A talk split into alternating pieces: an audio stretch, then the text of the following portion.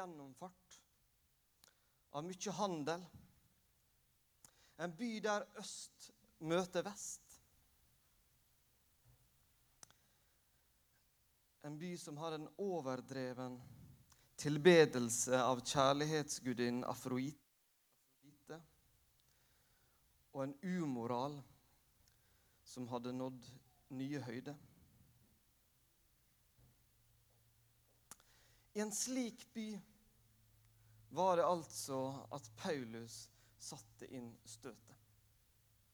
En slik plass var det han ville forkynne evangeliet. Det kunne være mange gode grunner til det. Det var strategisk klokt i og med at det var en by der mange mennesker passerte og kunne bli kjent med evangeliet. Ehm, det var en by som tydelig trengte en kursendring. Denne byen var altså Korint. så lurer jeg litt på Kan det være slik at det er noe med det jeg nevnte om Korint, som kan stemme også litt med Norge i dag? Kan det være noen fellestrekk? Eller vil vi ha problemer med å se at det som Korint trengte, det trenger vi i dag? En del av talene jeg skal holde framover, kommer til å ta utgangspunkt i første Korinterbrev skal bruke det en, eh, en del framover. Og midt i de utfordringene og som problemer som var i denne byen, og også i menigheten i Korint, eh, så kommer Paulus med en stødig og tydelig opplæring til dem. Og, og dette brevet er skrevet på bakgrunn av at Paulus hadde mottatt brev fra byen som fortalte noe om hvordan det sto til, og som stilte han noen spørsmål.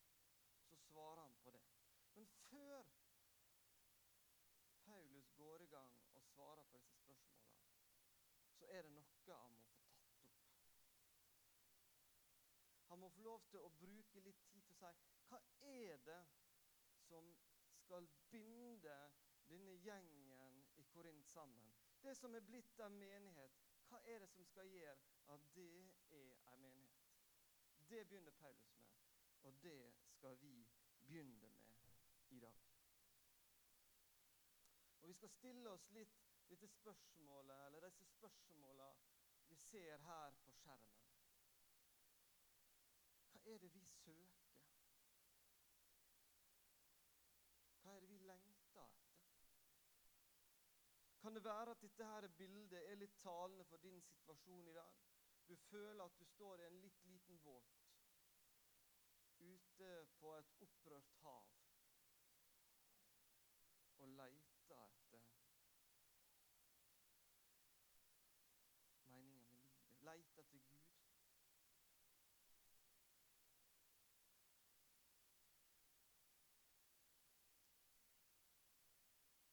Paulus sier til deg i 1. Korinterne 1,22. For jøder spør etter tegn, og grekere søker visdom. Grekerne, det var de som ville ha filosofien. Det var de som var rådende også i Korint, som var i flertall der. Søkte de kunne få kontakt med i sin tankeverden. Noe de kunne connecte med via sine lange tankebaner, tankerekker.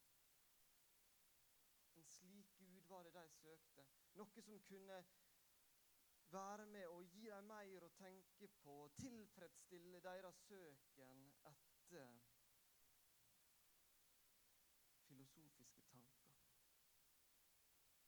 Jødene de var helt motsatt.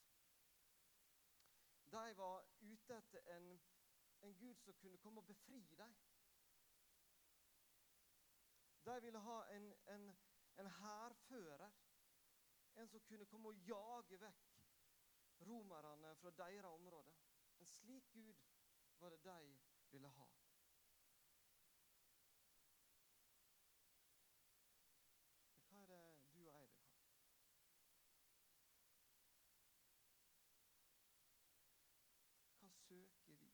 Hva Gud er vi på leiting etter?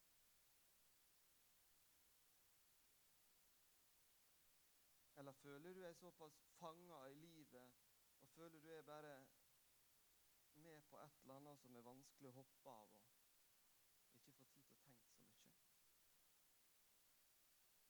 Jeg vil du skal ta et par sekunder og tenke hva er det du søker? Hva er det du lengter etter?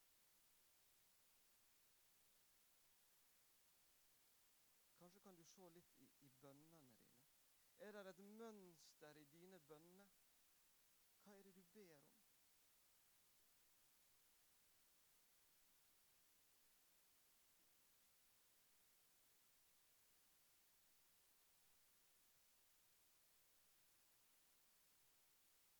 fikk et tips av Knut Asbjørn Ulstein. Så I går kveld så fant jeg fram debatten fra NRK på torsdagskvelden. Jeg har ikke fått med meg det. Jeg har vært og reist litt denne uka. Eh, lang debatt, sikkert mange interessante spørsmål. Det har jeg ikke fått sett ennå. Men jeg spolte meg fram til slutten. Der skjedde det noe helt spesielt. Jeg ble nesten litt sånn smårørt når jeg satt og så på dette her i, i går kveld. For der, i beste sendetid, så opplever vi at han som leder denne debatten, stiller spørsmålet til de to mektigste politikerne vi har her i landet. Tror du at Jesus Kristus er Guds sønn. Det fikk Jonas Gahr Støre og Erna Solberg spørsmål om.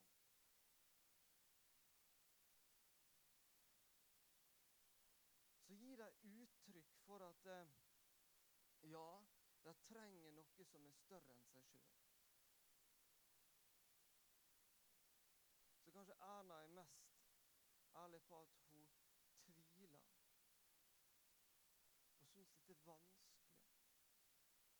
Men hun har behov for å søke etter noe større enn seg sjøl.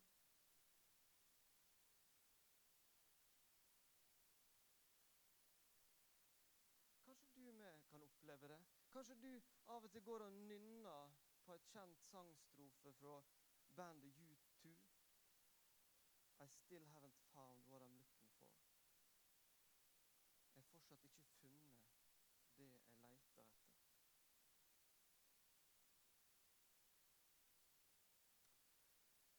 Jeg tror kanskje at uh, den guden som mange av oss søker etter, er en gud som skal hjelpe oss med vår egoisme. Egoismen i vår tid ser egentlig ikke ut til å kjenne noen grenser.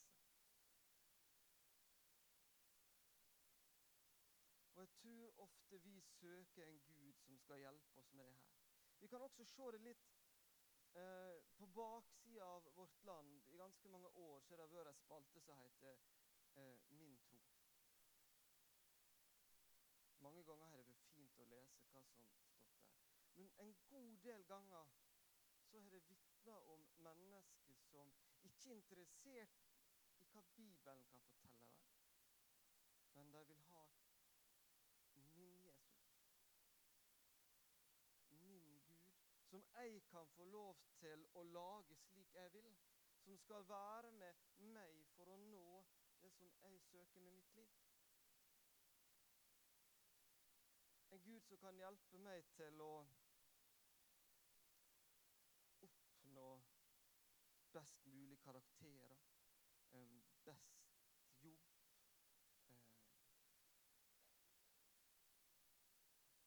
At livet rett og slett er en drømmenes arena, og at vi ønsker at Gud skal være regissøren for vårt liv inni det her. Jeg tror det er ganske vanlig for oss å tenke det. Vi ønsker en Gud som kan sette oss i sentrum.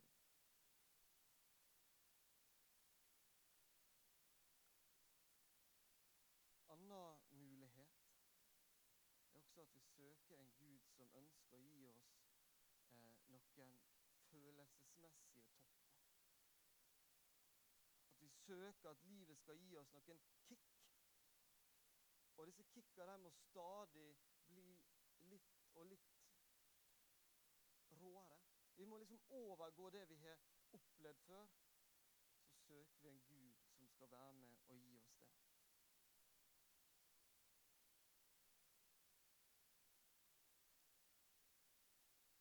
Kan det være at jeg har litt rett i noe av dette her? Kan det være at eh, dere ikke er helt ulike meg på noen av disse områdene?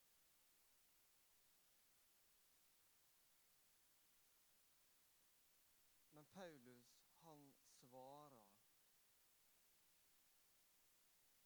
gjengen i Korint. Men vi forkynner en korsfestet, en korsfestet Kristus. Han er en snublestein for jøder og dårskap for hedninger. Men for dem som er kalt, både jøder og grekere, er Kristus Guds kraft og Guds visdom. For Guds dårskap er visere enn menneskene, og Guds svakhet er sterkere enn menneskene. Paulus vil si til dem tydelig, begynne med å få på plass at vi forkynner en korsfesta Kristus. Uansett hvordan situasjonen er, uansett hvordan dere har det, det som trengs, en korsfesta Kristus Jesus. Og så forklarer han hvorfor. For hvorfor ble Jesus en snublestein for jødene? Jo, fordi at jødene klarte ikke å se utover eget liv her på jorda. De opplevde det vanskelig og problematisk å være under romersk okkupasjon. Så skjønte ikke de det, at Jesus han var kongen over et annet rike, han. Han skulle bli noe mer enn en konge over Israel. Men de fikk ikke dette her til å stemme. De så bare på hvordan de hadde det akkurat her og nå. Og så ble dette faktisk en snublestein for dem.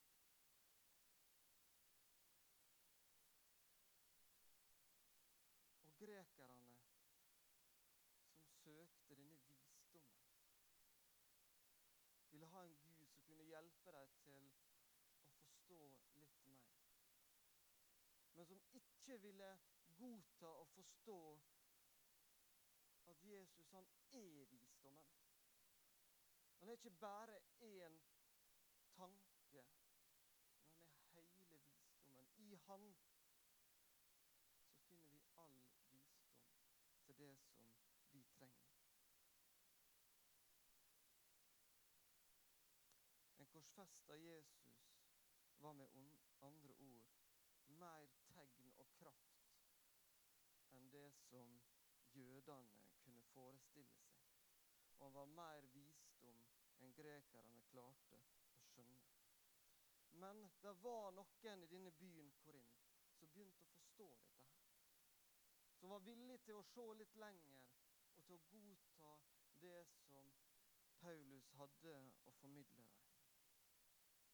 Så fikk Jesus lov til å bli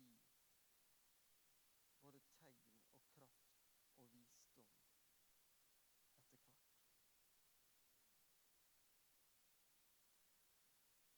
For vi som lever her i dag, og som kanskje i stor grad ønsker å sette oss sjøl i sentrum, hva har Bibelen å formidle til oss?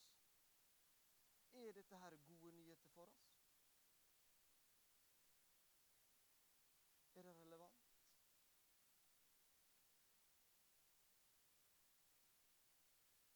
Det kan bli en snublestein for oss med at det ikke treffer.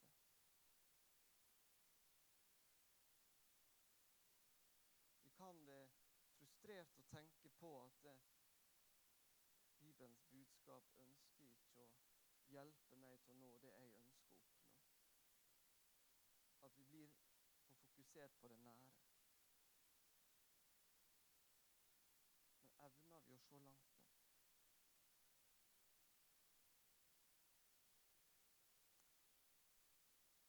Jeg vil påstå at en korsfesta Jesus er akkurat like aktuell som han nok en gang har. At evangeliet har et budskap som kan tale inn i ditt og mitt liv akkurat i dag. Til mennesker som ønsker å sette seg sjøl i sentrum, så har Bibelen noe å komme med. Et bibelvers som mange av oss er kjent med. Mange har pugga det utenat på et eller annet tidspunkt. Det blir kalt den lille Bibelen. Så høyt har Gud elsket verden at han ga sin sønn, den enbårne, for at hver den som tror på Han, ikke skal gå fortapt, men ha evig liv. Og Husker dere hvordan dere har kanskje gjort det på en leir eller på en søndagsskole? Og putta vekk, tatt vekk litt av det og laga en åpen plass til å kunne sette inn ditt navn. For Bibelens budskap det er ikke bare et budskap til liksom en haug med mennesker. Bibelens budskap er faktisk et budskap til deg. Vi kan sette oss sjøl inn i dette bibelverset, som er den lille Bibelen, og som er evangeliet kort forklart. Der kan vi få lov til å sette oss sjøl. Og så kan vi få lov til å se at Gud ønsker å sette deg foran Han, og så formidle budskapet til akkurat deg.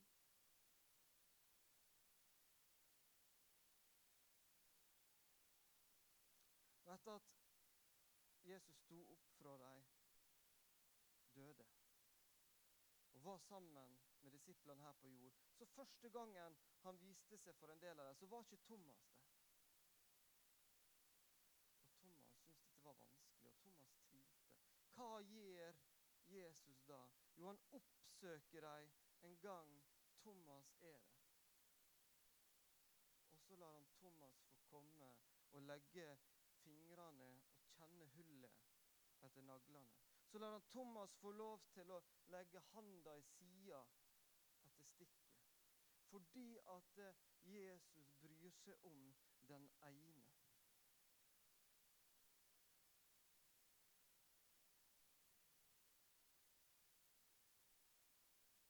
I eh, fjor høst så jobba vi også en del med nådegave.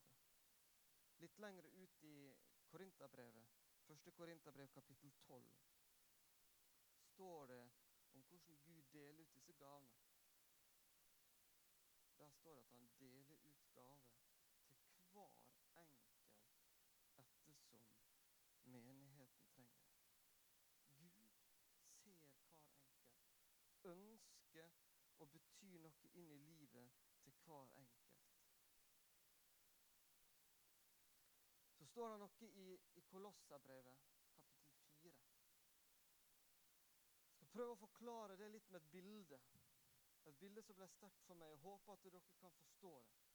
Hvis dere ser for dere en, en film, eh, litt gammel film kanskje, som innebærer en konge Jeg ser for meg eh, 'Tre nøtter til Askepott' så ser du for deg at oppå et podie så sitter der en konge på stolen sin. Heva over de andre.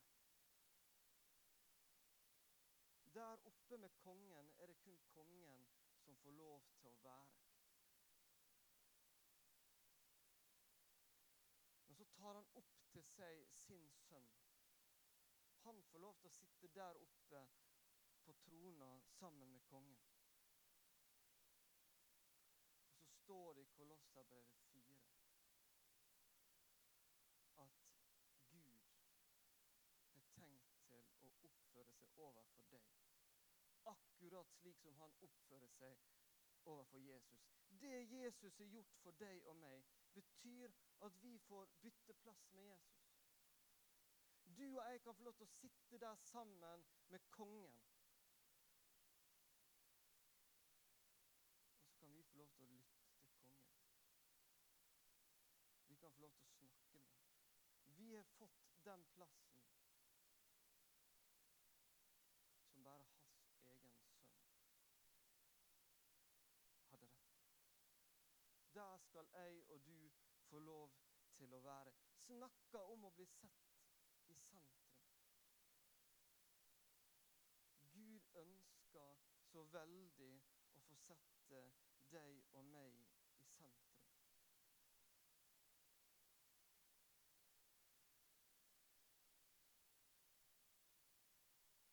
En korsfesta Kristus er et budskap til mennesker som sliter med at vi har så stor lengt etter å realisere oss sjøl. Og så møter Gud dette her på den måten at han ønsker å sette oss på førsteplass. Han ønsker å behandle hver enkelt av oss slik som han behandler sin egen sønn. Han har skapt oss. Han kjenner oss bedre enn noen andre. Han vil at vi skal få lov til å oppleve det og være der på førsteplass.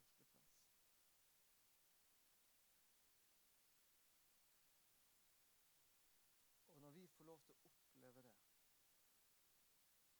så kan noe av denne trangen til sjølrealisering få lov til å slippe taket. Fordi at det, vi blir satt der som den ene, å oppleve å være sentrum for Gud.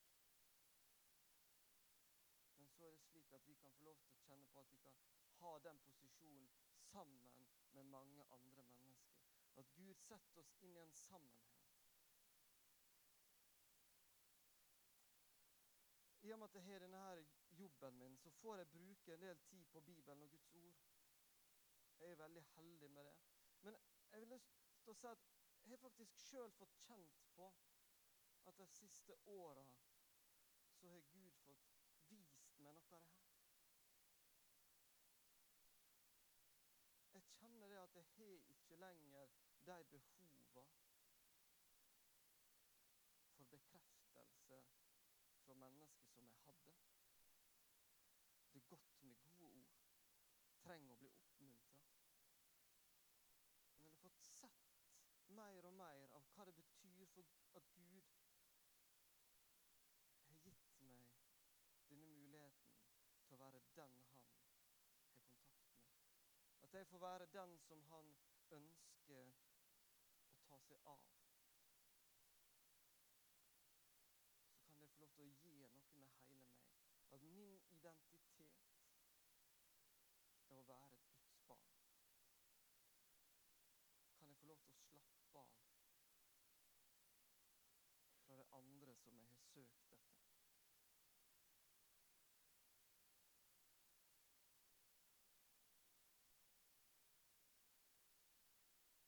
Bibelens budskap ønsker altså å sette deg som et enkeltindivid i sentrum. Samtidig som det setter deg i en situasjon med alle andre som ønsker å høre Gud til. Uansett rase, uansett kjønn, utseende, økonomiske ressurser, intelligens. Det er ubetydelig. Her er ingen skillelinjer. Deg i sentrum inn i et fellesskap med like mennesker.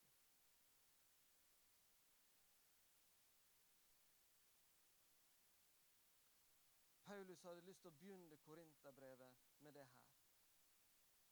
Fordi at det er så grunnleggende. Det er det som er evangeliet. At vi trenger Han. Og at hvis vi søker det vi er ute etter i Han, så vil vi få de beste svarene. Og Samtidig så setter det oss altså inn i et helt spesielt fellesskap. Det fellesskapet som skal få lov til å binde oss sammen. For det er mange ting i vårt samfunn som vil dra oss fra hverandre, slik som det var i Korint. Men den korsfesta Jesus kan være det som bygger Nei, ikke bare kan være, det er det som bygger en menighet. Jeg har lyst til å avslutte med å si at hvis du kjenner på ei dragning etter ei endring i livet ditt At du har lyst til å utforske hva det betyr at du kan finne svar på dine djupeste drømmer hos Jesus. Hvis du har lyst til å få hjelp til å finne svar på hva er det du går og leter etter, så er jeg her etter